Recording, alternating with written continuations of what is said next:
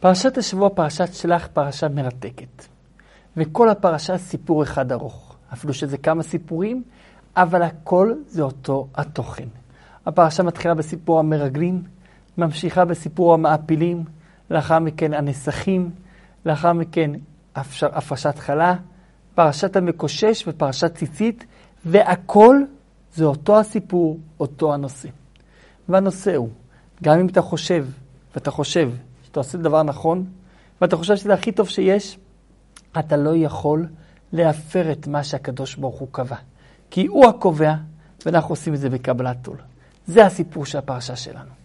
ולכן אנחנו נראה, בהמשך הפרשה של המרגלים היו כוונות נהדרות, והם לא סתם עשו את מה שהם עשו, אבל עדיין זה חטא גדול, כי אנחנו, עם כל הכוונות הטובות, לא יכולים למרוד בקדוש ברוך הוא. בואו נתחיל מההתחלה. הפרשה שלנו, פרשת שלח, מתחילה מאמצע הסיפור. ההתחלה של הסיפור נמצא בפרשת דברים. שם בפרשה מסופר שהקדוש ברוך הוא אומר למשה רבינו, בעקבות הבקשה של העם.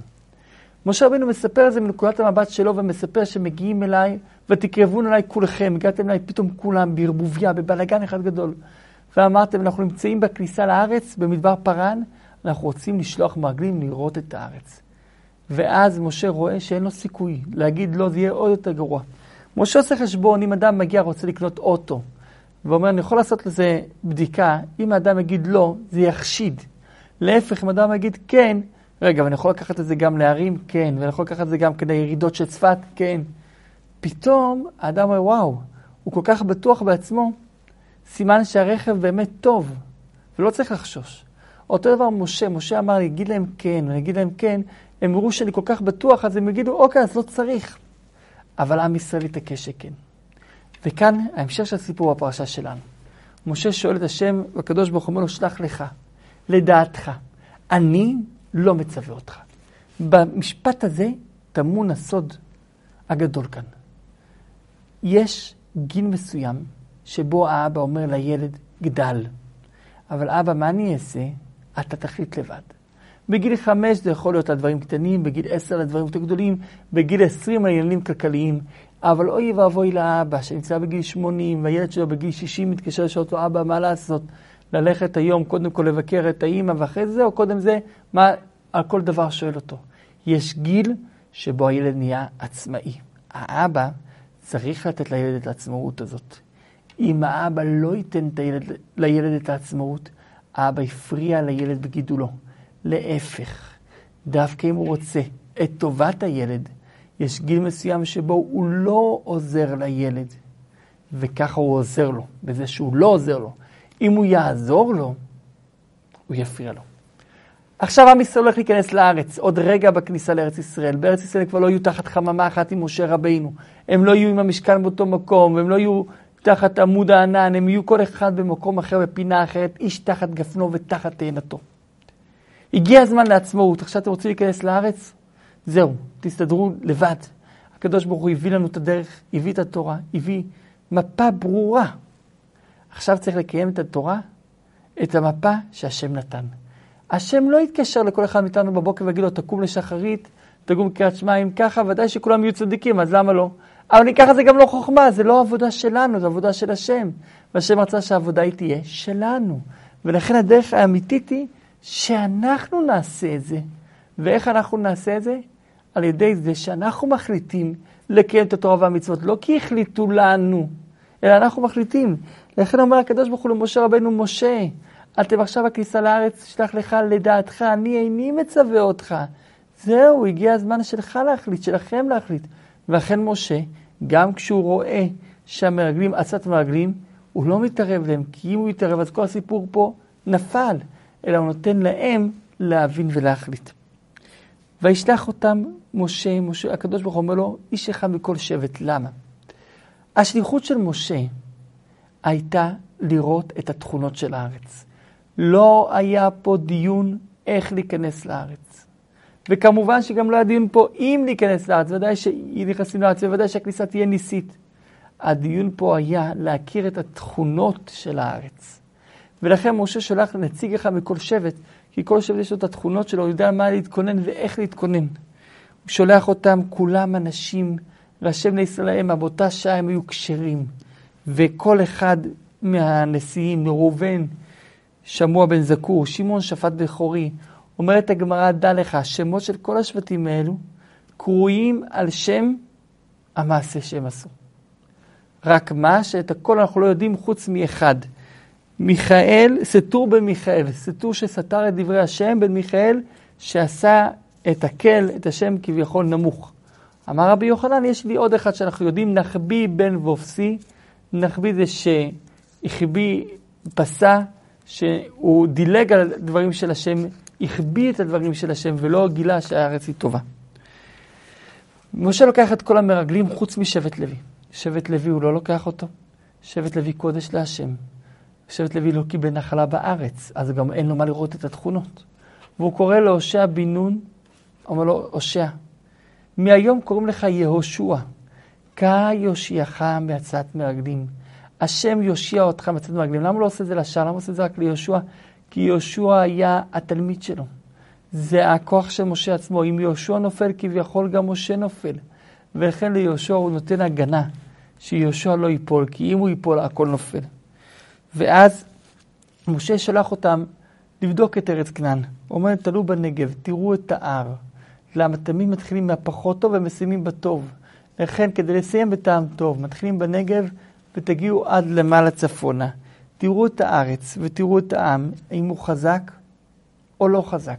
איך אפשר לראות? אם הם גרים בערים עם חומה, סימן שהם חלשים. כי הם צריכים את החומה שתגן עליהם. אבל אם הם גרים בערים ללא חומה, סימן שהם חזקים. תראו אם הם נמצאים במחנים או במבצרים, אם הם כמו בבדואים שנמצאים מפוזרים כמחנה או במבצר במקום אחד. תראו את הארץ עצמה, האם ארץ שמוציאה טובות או לא. אם יש בה צדיק שמגן עליה או לא. אתם תביאו מהארץ, זו הייתה תקופה טובה, תקופה של ביקורי ענבים, זה היה בקיץ, בחודש תמוז, תקופה שטובה לענבים. תביאו את פירות הארץ ונראה זה. זה היה לקראת חודש תמוז, סוף סיוון. המרגלים יוצאים, מגיעים ממדבר צין, הולכים צפונה, עד שמגיעים לבור חמת. איפה זה לבור חמת? לפי רש"י, זה עיר אנטקיה שבטורקיה. עד לשם הם מגיעים. הם מגיעים בנגב, הם מגיעים לחברון, ורואים שם את ארבעת הענקים שהשמם נקרא קריית ארבע. אחימן, ששי תלמי ואבא שלהם, ארבע ענקים. חברון נבנתה שבע שנים לפני צוען, לא כרונולוגית, אלא הכוונה היא שחברון הייתה טובה פי שבע מצוען. ואז מי הגיע לחברון?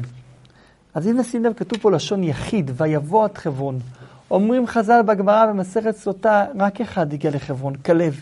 כלב בן יפונה. והוא הלך להתפלל בקברי אבות שבחברון.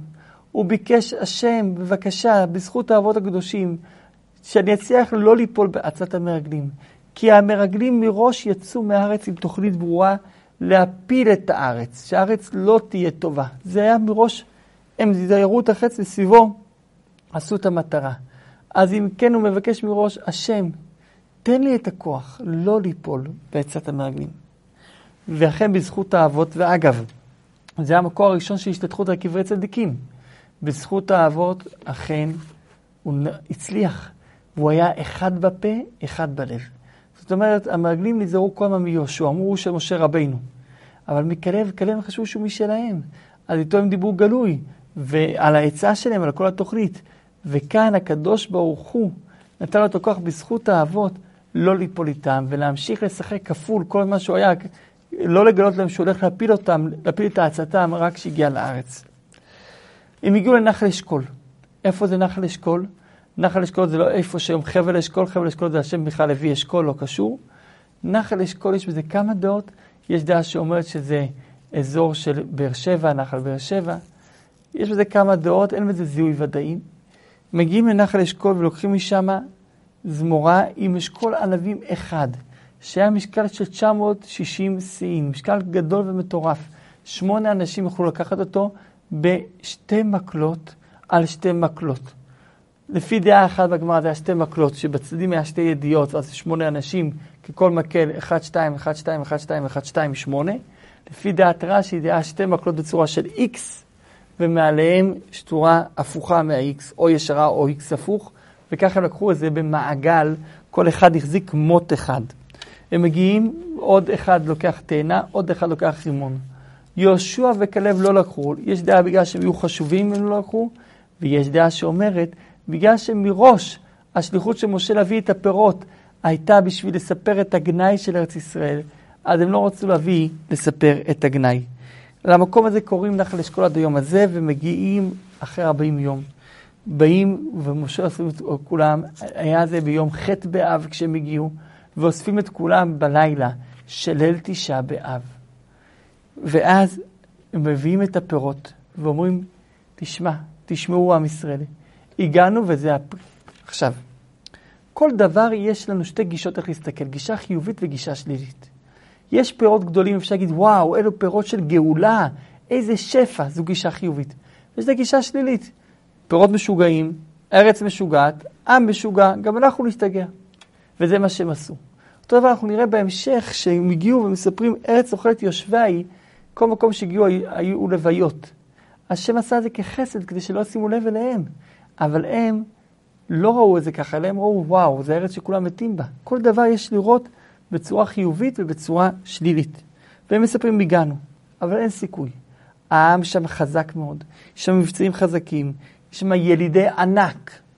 יש שם עמלק שיושב בארץ הנגב, החיטי האמורי, החיבי והיוסי האמורי, כולם שם. זה חומה של ארץ ישראל. הכנעני נמצא בשני הצדדים, גם על הים וגם על הירדן. ואילו היבוסי והאמורי נמצאים בשומרון, בערים שם. אי אפשר להיכנס. הארץ הזאת אי אפשר להיכנס. ואז כלב משתיק אותם בתרגיל. אומר כלב, ורק זה עשינו בן עמרם? למה הוא אומר בן עמרם? למה הוא לא אומר משה? כי הוא אומר משה, הוא צריך להגיד משה רבינו. זה כבוד, היו מבינים שהוא לא משלהם. משה לבד בביזיון הוא לא יכול להגיד.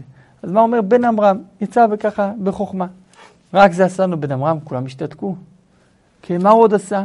הוא הוציא אותנו ממצרים, הוריד לנו אה, את המן, הגיז לנו את הסלב, קרע לנו את הים, וזה מה שאתם אומרים, אם הוא יגיד שעולים לשמיים אנחנו נעלה, קו החום הוא יגיד לעלות לארץ אנחנו נעלה. האנשים ששמעו את זה המשיכו, אמרו לא, אתה טועה, ככה מרגלים אמרו לכלב.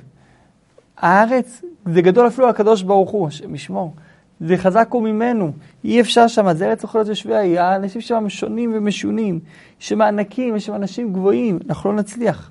כולם מתחילים לבכות. מתי זה היה? בליל תשעה באב. אמר הקדוש ברוך הוא, אתם בכיתם בכייה לחינם, אני אקבע לכם בכייה לדורות. הלילה הזה בכיתם סתם, בלי שום סיבה. אני אקבע לכם, כל שנה בלילה הזאת לבכות, בגלל שכן יש סיבה, ומכאן יש מסר. אף פעם אסור לבכות בלי סיבה. שלא לבכות בכלל, זה הכי טוב. באים ומתלוננים על משה ולאהרון ואומרים, מה עשיתם? היינו מתים כבר במצרים, היינו מתים אפילו במדבר, אבל למה להביא אותנו למות במלחמה? זה לא נעים, מלחמה. ואז כולם מתחילים ככה להתלונן, משה ואהרון נופלים על פניהם ואמרו, מה נעשה? זה כבר פעם עשירית שעם ישראל חוטא, אז מה אפשר לעשות? כבר ניסיון עשירי שעם ישראל מציע את הקדוש ברוך הוא. יהושע בן נון וכלב בן יפונה משתיקים את כולם ואומרים, לא, אל תקשיבו. טובה הארץ מאוד מאוד, אם השם חפץ בנו אנחנו נצליח, ונצליח להוציא את כל האויבים, ונצליח הכל. הם שומעים אותם, רוצים לרגום באבנים את יהושע ואת כלב. ואז הקדוש ברוך הוא יורד בענן וכולם משתתקים, ואומר הקדוש ברוך הוא למשה, עד מתי? עד אנה לא יאמינו לי. הרי הם היו צריכים כבר להאמין לכל מה שאני עושה, כל הסימנים והאותות, כל מה שעשיתי עד עכשיו. אני אהרוג את כולם בדבר במגפה.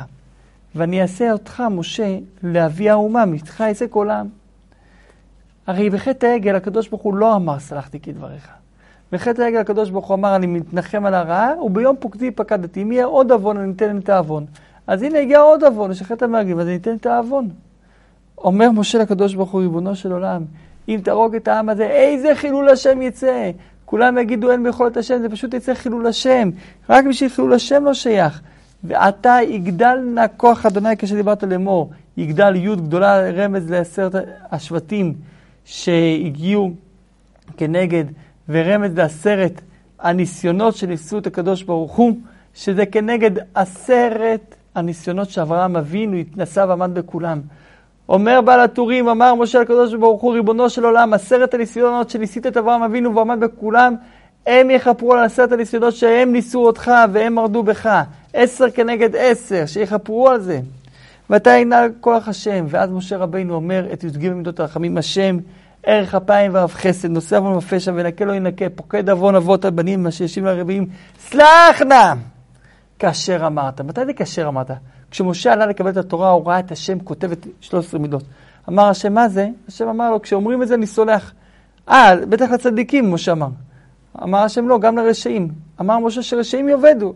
אמר השם, משה, חייך, אתה, יבוא יום אתה תצטרך את זה. משה אומר עכשיו, ריבונו של עולם, אני צריך את זה. אמר לו השם, אבל משה, אתה אמרת רק לצדיקים, לא לרשעים. אבל משה ענה להשם, אבל ריבונו של עולם, אתה אמרת לי, לא!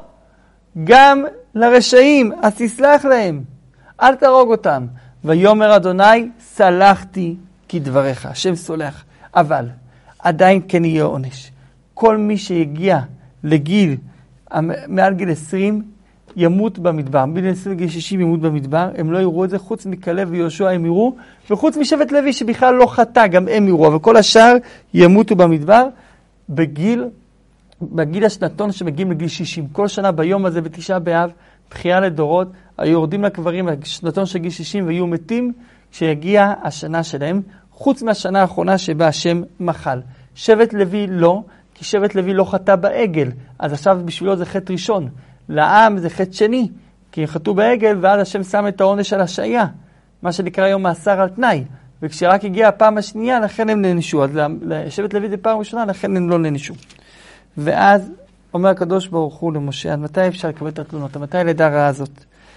דבר אליהם, רק הם יקבלו, ולכן כנגד 40 יום שהם מרדו בהשם, כנגד זה יום לשנה ליום לשנה, הם שורו 40 שנה במדבר וסובבו את המדבר, ואז כל האנשים שדיברו רעה על הארץ, כל המרגלים מתו במגפה, יהושע בן נון וכלב בן מפונה נשארו בחיים, הם לבד, ואז עם ישראל מתחיל לבכות ואומרים בואו נעשה מסירות נפש, נעלה בכל זאת לארץ. אבל הקדוש ברוך הוא אומר לא. הוא אומר למשה רבינו, השם לא איתנו, אל תעלו, תמותו שם בחרב, ארון ברית השם לא איתכם. השם אמר לא. הם לא הקשיבו ועלו, והם מתו במלחמה. וזה הסיפור של המעפילים, המעפילים מתו במלחמה בכניסה לארץ. משה ועם ישראל מסתובבים אחורה, נכנסים למדבר למסע ארוך של 40 שנה בתוך המדבר. מה קרה למעפילים? למה הם מתו? הרי הם עשו מסירות נפש. אבל גם מסירות נפש, אי אפשר ללכת נגד השם. מסירות נפש זה להפך, זה לשמוע בקול השם. השם לא אמר להיכנס לארץ. השם אמר, תקשיבו בקולי. כשאני אומר להיכנס לארץ, תיכנסו לארץ. כשאני אומר עכשיו לא להיכנס לארץ, אז אל תיכנסו לארץ. גם המרגלים וגם המעפילים היו להם כוונות טובות, אבל שניהם מרדו בהשם. המרגלים, השם אמר להיכנס, הם אמרו לא להיכנס. המעפילים, השם אמר עכשיו לא להיכנס, הם אמרו כן להיכנס, שניהם זה אותו דבר. שניהם זה למרוד בקדוש ברוך הוא, ולכן שניהם נענשו. יש דעה שאומרת, למה המרגלים עשו את זה? יש דעה שאומרת שהמרגלים שמעו את הנבואה של אלדד ומידד בפרשה הקודמת, שכשנכנסים לארץ משה ימות ויהושע יכניסם. אמרו בואו נעכב את זה, נרוויח עוד 40 שנה עם משה רבינו. ויש דעה שהאדמו"ר הזה כן מביא בלוקוטי תורה, שהם ידעו שכשהם ייכנסו לארץ הם יצטרכו להתחיל לעבוד קשה, להתחיל לעבד את השדות, לעבוד, לזרוע לחרוש, לקצור, רק פעם בשבע שנים יהיה להם שנת שמיטה שיוכלו ללמוד תורה בלי מנוחה. כל השש שנים עבודה קשה, אם מתים לתורה, והם לא רצו את זה. הם רצו להישאר כל היום ללמוד תורה, כל היום תן לנו את השקט שלנו ללמוד תורה כל היום. וזה העוון. כי השם לא הביא אותנו לעולם בשביל שלא נברר את העולם. השם הביא אותנו כדי שנעבוד בעולם, נתקן את העולם ונקבע איתי עם התורה. ולכן זה כמו ילד שנמצא בבטן אמו, טוב לו, דואגים לו הכל, הוא לומד תורה כל היום כולו, מלאך יושב שם, מלמד אותו תורה עם נר דלוק מתחת הראש, והוא רואה, הילד הזה רואה כמו נביא, ויותר מנביא, רואה מסוף עולם ועד קצהו. נו, ולכן, שיישאר בהיריון לעולם, השם ישמור. הוא צריך להיוולד, ההיריון זה רק הכוח, ההתחלה. אותו דבר זה שנמצאים במדבר 40 שנה, זה הכוח. זה החממה שנותן לעם ישראל את הכוח. אחרי זה נכנסים לארץ, איש תחת גפנו ותחת עינתו. המרגלים ראו שאוכלים כס הארץ עכשיו, אמרו לא, לא, אנחנו רוצים עוד שנים להישאר במדבר. ועל זה השם אמר להם, זה עוון, כי לא מתערבים בתוכנית של השם. לאחר מכן מסופר בפרשה על הנסכים, כשמקריבים קורבן צריך להביא בנוסף לזה גם כן נסכים של יין, נסכים של שמן, ומסופר אחר מכן עוד דינים בקורבנות, שזה בעצם בא להביא את התקווה.